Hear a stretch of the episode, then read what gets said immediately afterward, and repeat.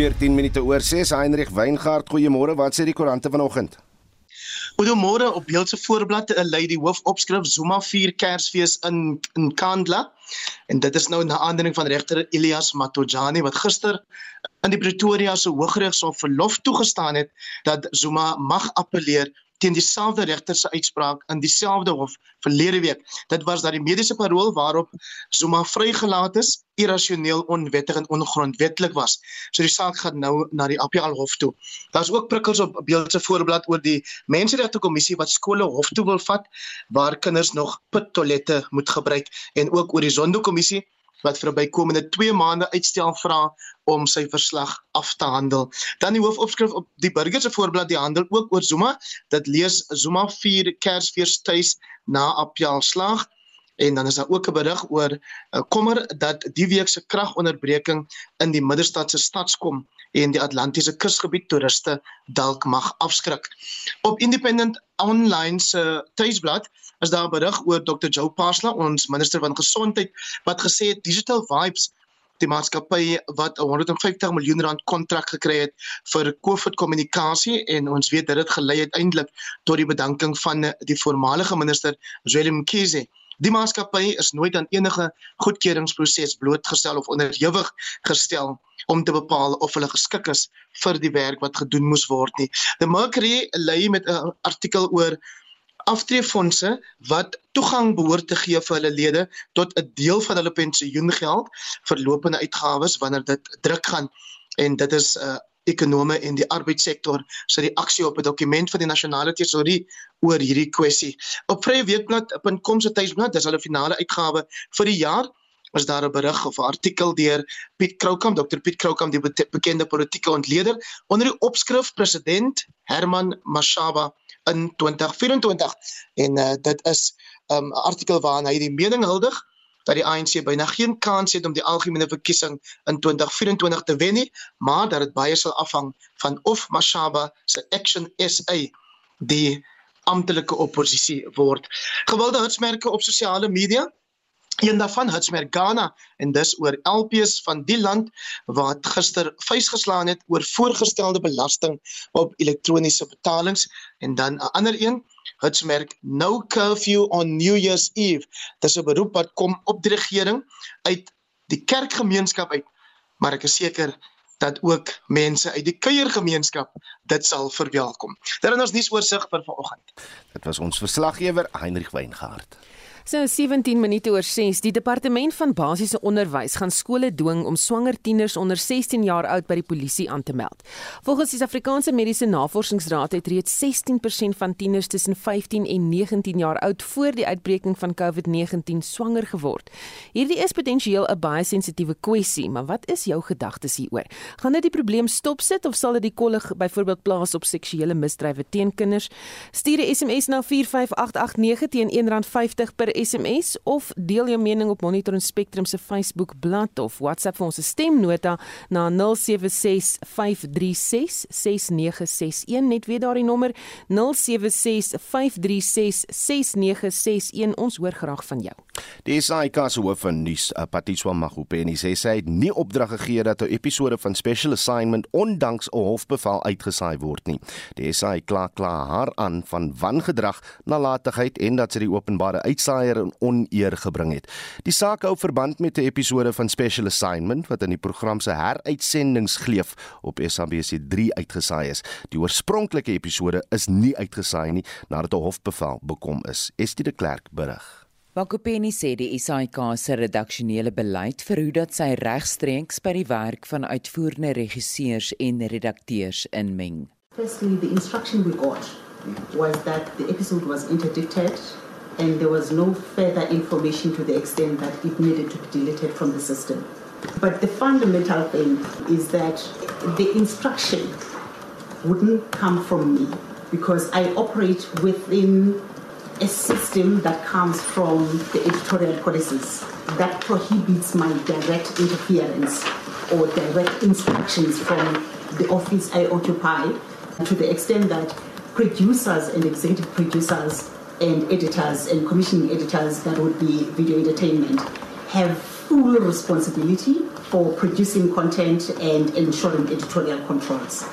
In my role, I can't and I do not give direct instructions to the newsroom.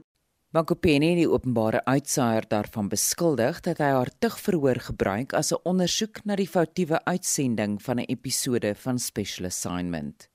Disciplinary action will be conducted when all legal processes have been followed and then it stipulates the disciplinary code, conditions of employment and other things. So you have two documents or policies within the SAPC, the delegation of authority framework and this disciplinary code that talk to the processes that need to be followed in DCs. If that was the case, I would have been invited to participate in an investigation. I would have been questioned. I would have been asked to provide evidence, and my team would have been involved in the same process, and everyone else who would have been part of the incident, including video entertainment, because this is a story that cuts across two divisions.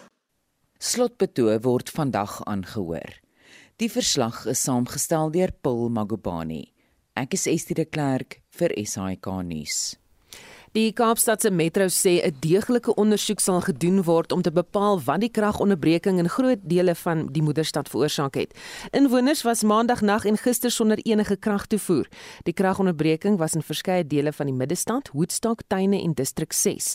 Kobben August doen verslag. Sommige inwoners en vakansiegangers was vir byna 24 uur sonder elektrisiteit.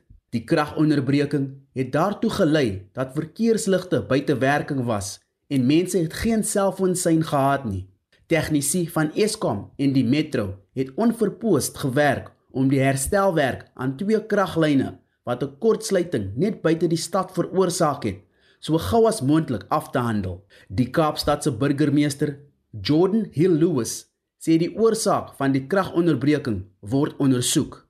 We now will move to a a bigger repair of some of the cables that have been knocked out, the underground cables that have been knocked out by this fault. That'll take some time, but at least power is up and running again and now we can also look to investigate exactly what caused this fault.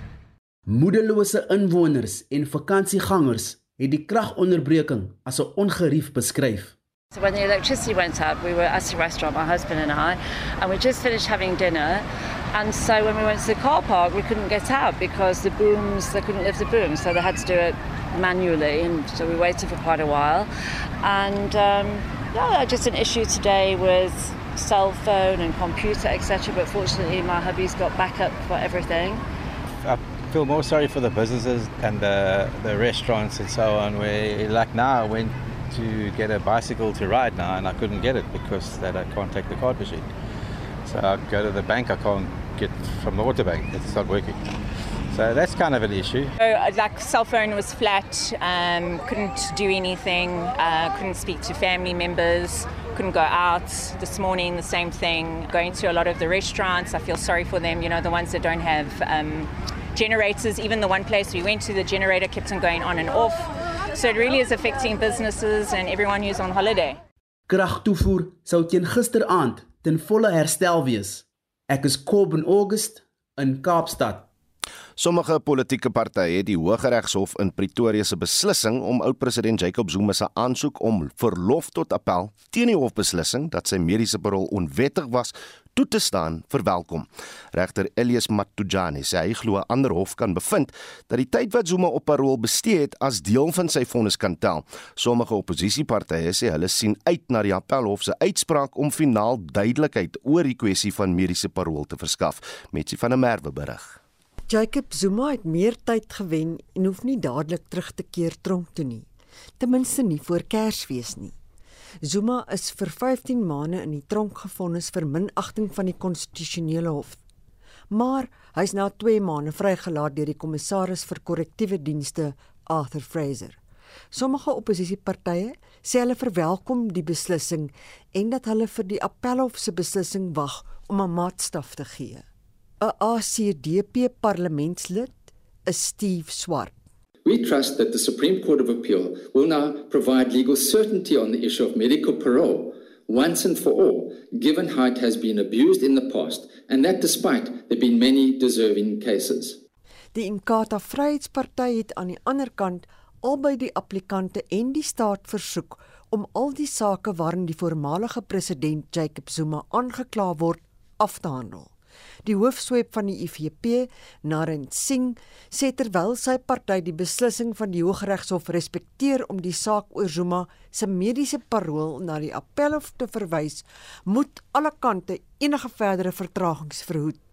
The delay in ensuring that these matters come before the courts and are decided by the courts is causing anxiety not only on the side of the applicant and the state, but also anxiety amongst many South Africans. We cannot afford as a country to go through the type of unrest that we were exposed to in July this year in the name of freeing former President Zuma. Die woordvoerder van Cope, Dennis Bloem, sê hulle wil graag hê dat Zuma so gou moontlik terugkeer tronk toe. We knew all along that the medical parole granted to former President Jacob Zuma was just a sham. We knew it will backfire. We want to see now, after he was granted leave to appeal, what the Supreme Court of Appeal will say. Because we are standing firm that that medical parole was illegal and he must go back to prison because he must serve his full time in prison. Dennis Bloem is die woordvoerder van Cope. Ons parlementêre verslaggewer, Joseph Musia, het hierdie verslag saamgestel. Mitsi van der Merwe, SAK nuus. Nou, kom ons vind uit wat mense te sê het. Hendrik Weingart. Ons vra vanoggend die handel ehm um, oor leerders wat swanger raak op skool. Die departement van basiese onderwys het nou besluit dat skole gedwing gaan word om daardie swangerskappe aan te meld van kinders onder 16 jaar by die polisie natuurlik. En ons wil weet of jy dink dit sal help om die probleem stop te sit of sal dit die kollig byvoorbeeld plaas op seksuele misdrywe teen kinders en het jy enige idees oor hierdie sensitiewe kwessie? Marisa Wilke sê en wat as die familie die man probeer beskerm deur die meisie weg te steek? Dan kry sy nie toegang tot skool of mediese sorg nie. Dis so 'n komplekse probleem. Kan kan ons hierdie meisies beskerm as hulle vorendag kom? Dan Stefan Bekes wat sê kom by julle ouer opvoeding is die belangrikste op die SMS lyn dit was nou kommentaar van on, vanaf ons Facebookblad op die SMS lyn daar moet geboortebeperking ingestel word sê iemand. Iemand anders sê die vinger moet na hulle self wys. En dan uh, iemand anders wat sê ek weet van 'n 14-jarige wat 'n rukkie gelede 'n keisersnit gekry het 14 jaar oud. Die regering veroorsaak hulle eie probleem en nou soek hulle fout. Iemand anders skryf hier nee dit sal nooit einde kry nie. En hierdie is direk en indirek die regering se skuld want die regering gee mos grants vir hulle om kleintjies te kry. Iemand anders skryf, ek wonder hoe dink mense wat nou van hulle pensioenfonds wil gebruik maak omdat hulle nie uitkom met hulle volle salarisse nie. Hoe sal hulle later gaan uitkom met die helfte van hulle pensioen wat reeds die helfte van hulle salaris is. So ons onderwerp vanoggend, die handel oor leerders, meisies op skool wat swanger raak onder 16 jaar oud, maar jy's ook welkom natuurlik om met ons te praat oor kwessies soos hierdie uh, voorstel dat jy van jou pensioenfonds gebruik sal kan maak, 'n deel daarvan indien dit 'n bietjie beroerd gaan met jou geld sake terwyl jy nog werk. 45889, dis ons SMS nommer en dit kos jou R1.50 elk dit aan ons verslaggewer Hendrik Weingart. Nou die Tigray People's Liberation Front is besig om sy gewapende magte uit die noorde van Ethiopië te onttrek in wat moontlik 'n poging is om die oorlog wat vir langer as 'n jaar woed te beëindig. Dit kom natuurlik nie sonder 'n stigting uh, string uh, liewer voorwaardes nie. En uh, vir meer hieroor gesels ons nou met emeritus professor Willie Breitenberg van die Universiteit Stellenbosch. Willie, welkom hier by Monitor. Uh, hoekom dink jy hierdie Tigray People's Liberation Front sy magte uit Afar en Amara onttrek, het hy moontlik geswyg onder internasionale druk. Ja, daar's heelwat internasionale druk. Hulle het hulle vorige buitelandse ondersteuners verloor in hierdie proses. Uh naamlik dit het uh, byvoorbeeld Frankryk en Duitsland ingesluit en hulle het uh, hulle verruil vir Turkye en vir Iran. Uh so dit is nie die mees betroubare bondgenote in so 'n stryd nie. Uh, hierdie stryd is nie 'n nuwe stryd nie. Dit dat dit het 'n baie baie lank pad gekom en uh, dit het maar te maak met wat met uh, Ethiopië gebeur in hierdie omstandighede. Dit is 'n groot arm land wat etnies verdeeld is en wat ook godsdienstig verdeeld is. En uh, die Tigray gebied is die heel noordelikste gebied van die Tigray wat uh, uh ten minste van Ethiopië wat grens aan Eritrea wat reeds weggebreek het uit Ethiopië uit enkele aantal jare gelede en dit lyk vir my dit is uh maar wat die Tigrese politiek in gedagte het is dat hulle ook wil wegbreek soos wat Eritrea dit gedoen het. Uh maar vir die Ethiopiese regering wat nog steeds waarvan die kern bestaan uit lede van die Koptiese Christelike Kerk.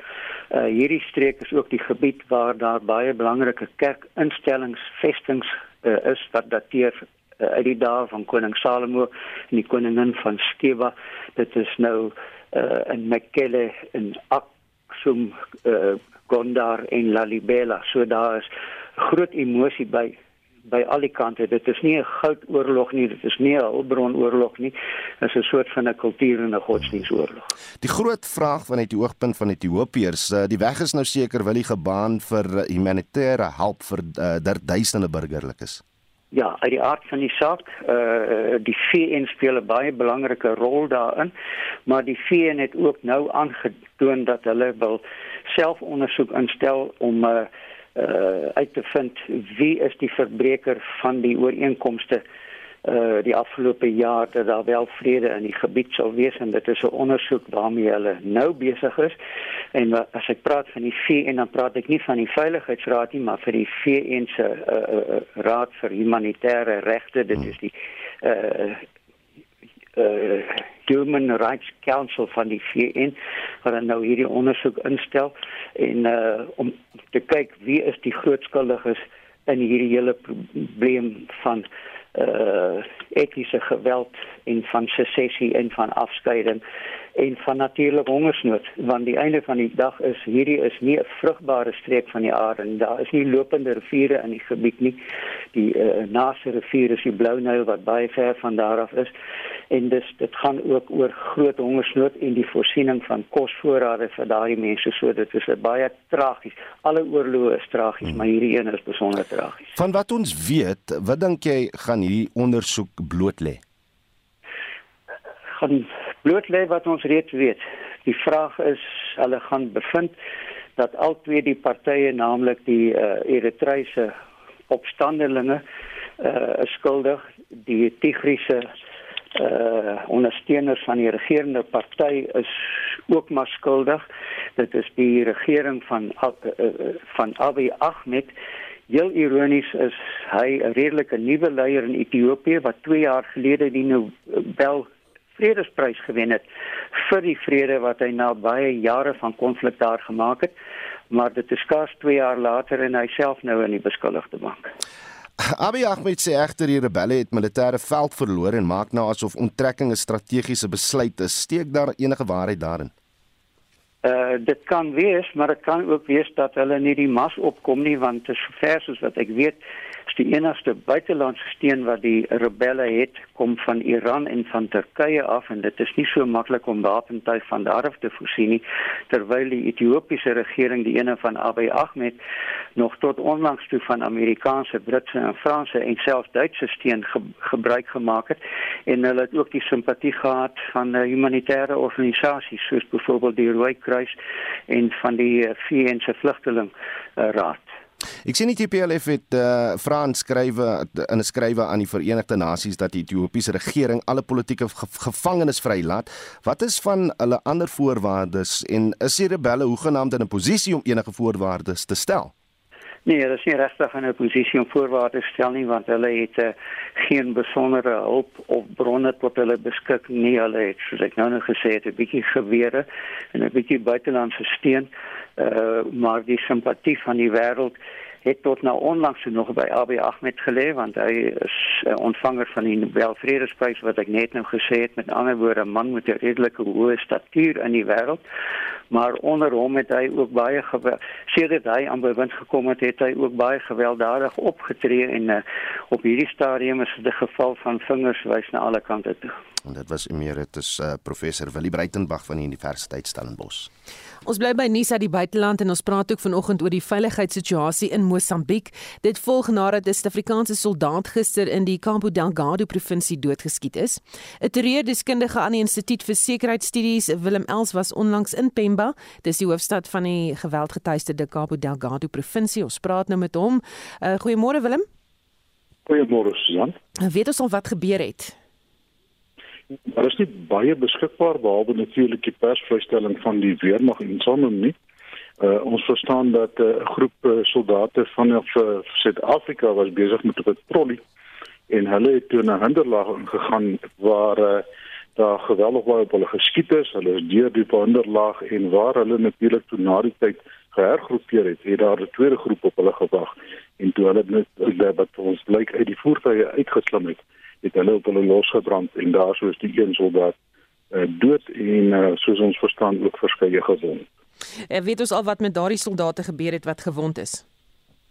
Nee, wat gewoonlik sou gebeur, hulle het natuurlik 'n tydelike basis op Chai. Nou Chai is natuurlik 'n uh, baie belangrike uh, dorpie want dit is ook die eerste die plek waar die eerste skoot afgevuur is in die oorlog teen die Portugese bestel van Afrolimo. So die dit, dit is maar 'n onstuimige gebied daai. En uh, so hulle het eh, die Suid-Afrikaanse magte of samemagte het eh, het daar tydelike basis daar. Die soldate seker afgevoer soen toe waar hulle na Pemba toe sal gaan gestabiliseer word en ons vermoed dan dat die mees ernstige gewondes dan natuurlik sou afgevoer word sodat Afrika vir hulle versorg sal word. Was daar Mosambiekse soldate ook betrokke? Uh ons is nie baie uh, op hoogte van hoe hulle werk nie. Ons weet daarvan dat hulle nie alleen werk nie, dat daar so Mosambiekse soldate ook saam met hulle is of hulle voorsaam in die in die linie uh, uh patrollie saam met hulle was of agter dit was. Ons weet nie hoe hulle opereer nie. Ons weet dat al die met die hier val met die uh Rwandese, die regte Rwandese voor en dan volg die die Mosambiekers. So ons weet nie wat is hulle moes op aan die so nie. Dit wil vir my klink asof dit 'n goed beplande aanval was op die soldate. Maar baie beslis, jy kan sien dat hulle hulle huiswerk gedoen het ons kan sien dat hulle moes inligting gehad het. Uh veral vir die eerste plek waar om hulle uh wat by die roete wat gegaan volg, tweede plek ook waar hulle moontlike uh, uh RV-punt of rendezvous-punt gaan wees, sou hulle dan stop en toe hulle daar aangewag. So ons kan sien dat die die uh insurgente baie goed opgelei is ook dat hulle uh, dat hulle baie goed is in wat hulle doen wanneer dit kom by by die stel van van van hinderlaag vir vir nie net so Franse magte nie maar ook vir die die uh, Mosambiekse magte en die Rwandese soos die verlede vir ons bewys het. Hmm. Jy was onlangs in die gebied, wat is die situasie op die oomblik? Op die oomblik is dit redelik gespanne daarso. Uh daar's baie wat volkrade is en so voort in in Pemba self. Nou Pemba is ongeveer so so 200 uh, net so meer as 200 km per pad vanaf Chai af uh, wat, wat wat natuurlik ten noorde van uh, van Pemba geleë is en uh, omdat dit die hoofstad is en natuurlik 'n groot konsentrasie van jou uh, buitelandse mense en jou organisasies is is dit ook maar redelik 'n gespanne situasie daar. En maak die soldate wat tans daar is, jy weet enige verskil aan die situasie?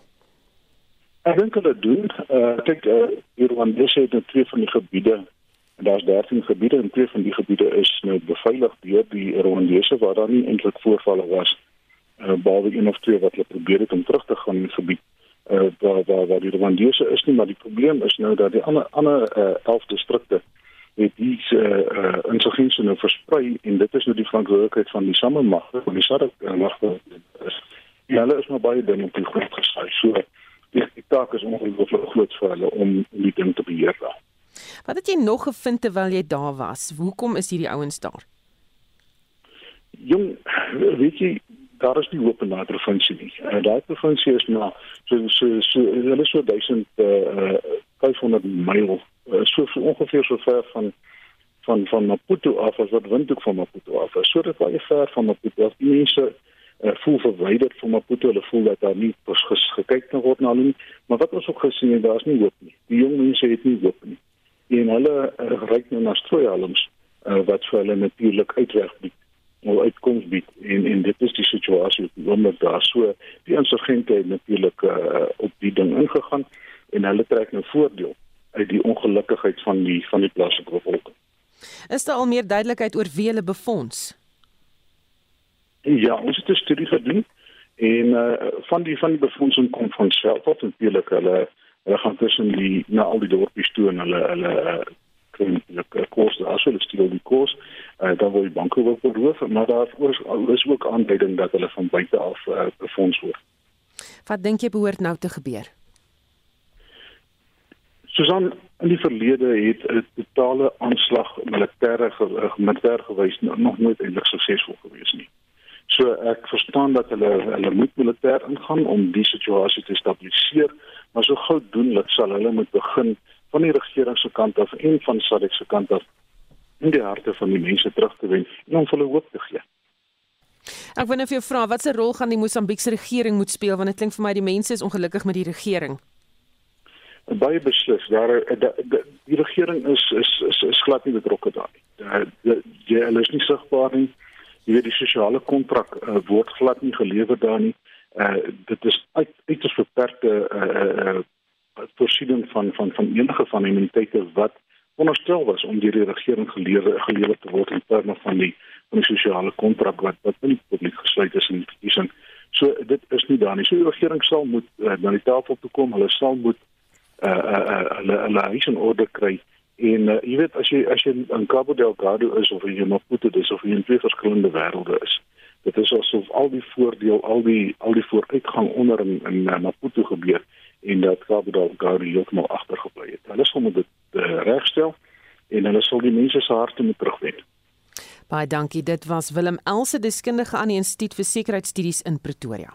12 en 'n half minute voor 7. Die bestuurshoof van die Toerisme Sakeraad van Suid-Afrika, Tsifiwa Tsivengwa, pleit dat die Europese Unie reisbeperkings op burgers wat na Suid-Afrika wil reis moet ophef. Tsivengwa het 'n oop brief aan die hoof van die EU afvaardiging in Suid-Afrika gerig oor die situasie. Vincent Mofokeng doen verslag. Die Toerisme Sakeraad van Suid-Afrika sê hulle erken dat die vroeë instelling van 'n reisverbod noodsaaklik was sodat regerings die risiko's van die Omicron-variant kon evalueer. Die bestuurshoof, Chifiwa Chivengwa, versoek die EU om reis tussen Suid-Afrika en Europese lande weer in te stel op grond daarvan dat hoë infeksiekoerse in meer as 50 lande regoor die wêreld aangemeld is. And the reason for us to regulate is that the EU followed the UK when the UK put the restrictions on South Africa at the so-called red list. Subsequently, the UK has rescinded their decision and reopened travel between the UK and South Africa. And the EU has not done anything about it. And we are urging the EU countries, uh, the EU head of delegation, the Commission itself to reconsider their travel ban for South Africa and Southern Africa region because it's devastating to our tourism sector as well as you know investments into the country. What we're calling for is that uh, the science support our stance in terms of reopening international travel, and we believe that uh, we should continue with reopening, you know, travel between the EU and South Africa. It's an important market for us tourism. Chibengwa sê in 'n tipiese jaar is die nasionale inkomste uit toerisme in Suid-Afrika meer as 16 miljard euro wat 726 000 direkte werksgeleenthede ondersteun. We know that uh, you know we lost quickly 48 hours a billion rand was lost.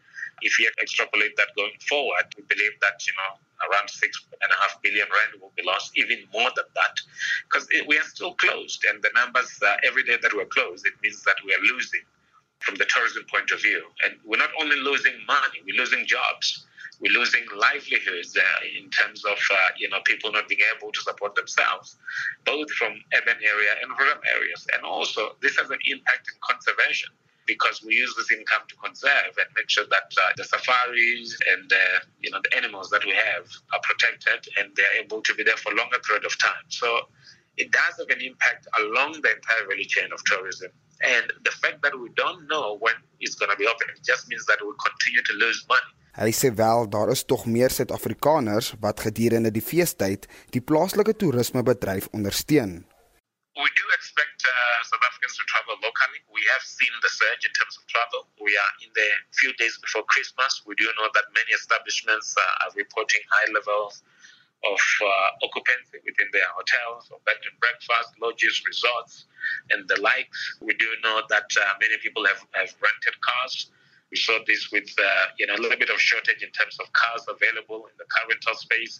So we do expect that South Africans will travel. They will support us, you know, the tourism industry, and we do know that they will continue to support us going forward. And we do thank everyone who's traveling. We say do so safely. Don't drink and drive. Follow the protocols. These are the health and safety protocols, the norms and standards, and all regulations that have been put in place by Department of Health or local authorities to mitigate the spread of the, the virus. And I hope that everyone travels safe and come back safely. Dit was Chifiwa Chivengwa, die bestuurshoof van die Toerisme Sakeraad van Suid-Afrika. Ek is Vincent Mufokeng vir SAI Garnis.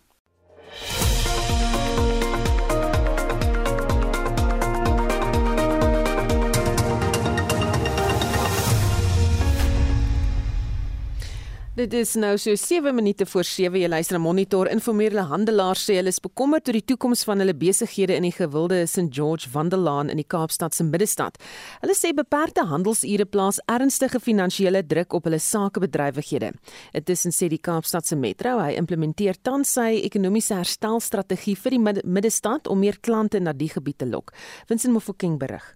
Besigheid van informele handelaars by St George's Wanderlaan het die afgelope 2 jaar swaar gekry. Eers was dit te danke aan die buitelandse burgers wat die plaaslike Methodiste kerk beset het terwyl hulle geëis het om na hul lande van herkoms teruggestuur te word. En toe die COVID-19 pandemie en sy streng inperkingsmaatreëls. Plaaslike handelaars sê hulle is nou beveel om tot 1 uur in die middag handel te dryf in vergelyking met 5 uur die middag voor die pandemie een van die informele handelaars, Lucas Ashu. So we don't even know if we come into the square to come and walk. We don't even know if we are coming in is because we have to walk or we are coming in and they tell us, okay, you finish displaying and finishing at about 11 o'clock and they tell you pack up 1 o'clock. There is an event. And that event, who is doing that event? They said they want to actually revive the Green Market Square back. They want to revive the city. En Wanyuko Ndengwa is in Kenia gebore. Sy het haar land verlaat om na Suid-Afrika te kom om groener weivelde te soek. Sy sê die geld wat sy hier maak, help om haar gesin by die huis in Kenia te voed. Ndengwa sê die hersiene handelsure het haar en haar sakeonderneming in finansiële nood geplaas. About this new law, it's when you come, maybe uh, you are here by 8 o'clock and you are starting packing by 1 o'clock, that is. It can take you three hours to display. And after you've done like that, by 1 o'clock or half past, you are supposed to be out of the market. So it's a little tiresome because you can at, at the end of the day, even the tourists who are coming, you can't even, you are targeting them. At the end of the day, you can't sell nothing. You end up packing and recapping. So it's really tired and it, it's really you feel like you can't do it anymore. Die Kaapstad se Metro se burgemeesterskomitee lid vir ekonomiese geleenthede, James Vos, sê pogings is aan die gang om sukkelende besighede in die middestad te help. As part of the CBD economic recovery strategy, the city has been approving and hosting events to take place in the evening at no detriment to the day traders. During the COVID-19 pandemic, traders have reported low to no income generated at the square due to low tourist arrivals and have appealed for relief to the city. In response, the city implemented various strategies to support the sector, including the approval of the night market at the square, where Green Market Square traders participate on a rotational basis. Green Market Square traders have reported that they generated more income at the night market than they do during the normal trading hours during the day. Die handelaars sê egter hulle trek nie voordeel uit die nagmarkte nie. Lucas Ashu verduidelik. The night market, we, the traders of the square, were not even invited in the meeting if we are going to partake. They gave us a number that just eight uh, members of the market can partake in the night market. And on that night market, you pay a fee before trading, which is not fair. So that fee is being paid to who in the city? Die handelaars sê hulle hoop om terug te keer na hul normale handelsure wat voor die pandemie gegeld het. Die verslag van Atule Joka in Kaapstad. Ek is Vincent Mufokeng vir SAI Garnis. Heinrich Weingart, wat sê die luisteraars? So vanoggend se vraag is na aanleiding van die departement van basiese onderwys wat besluit het dat kinders onder jonger as 16 indien hulle swanger word op skool dan moet die aangemeld word by die polisie. Ons wil weet wat jy daarvan dink en of dit die probleem gaan help oplos. Iemand skryf hier daar moet geboortebeperking ingestel word. As jy vir 'n vir een kind kan sorg laat bind jou of kry 'n hysterektomie as jy byvoorbeeld vir 5 kan sorg as dit in die hak maar laat jou asseblief daarna steriliseer. En dan uh, sê iemand anders daar's te veel honger onversorgde kinders op straat wat bedel vir 'n stukkie brood. Nee sê iemand anders dit sal nooit einde kry nie. Uh ekskuus net daai net dink ek het ek voorheen vroeër gelees. Um hier is 'n boodskap wat in Engels sê teen sex pregnancy why not give us an uplifting topic at Christmas keep it light-hearted a deaf girl just won BBC strictly come dancing on Saturday and uh, South Africa's Johannes Gadebe came second. Ehm um, iemand sê vol sê ek dink dat dit eerder die ouers se plig is om die kinders te gaan rapporteer by die polisie. Meisies gaan nou eerder uitval by die skool of kliniek as wat hulle gaan uitkom met swangerskap en dit sal tragies wees. So waarmee hou die kinders hulle besig terwyl hulle nog moet speel en 'n kind weer sê gytjie van Ermelo. Opvoeding val jammerlik vir 'n government grant in 'n land waar armoede, oorbevolking en werkloosheid reeds 'n reuse probleem is. Voorspel dit 'n donker toekoms. 45889, dis ons SMS nommer 1051 daal. Ek weet dit is bietjie ernstig, maar dit weerspieël ons werklikheid hier in Suid-Afrika. Na 7 praat ons met 'n kundige in die gebied van onderwys oor hierdie kwessie. Nou eers die jongste nuus.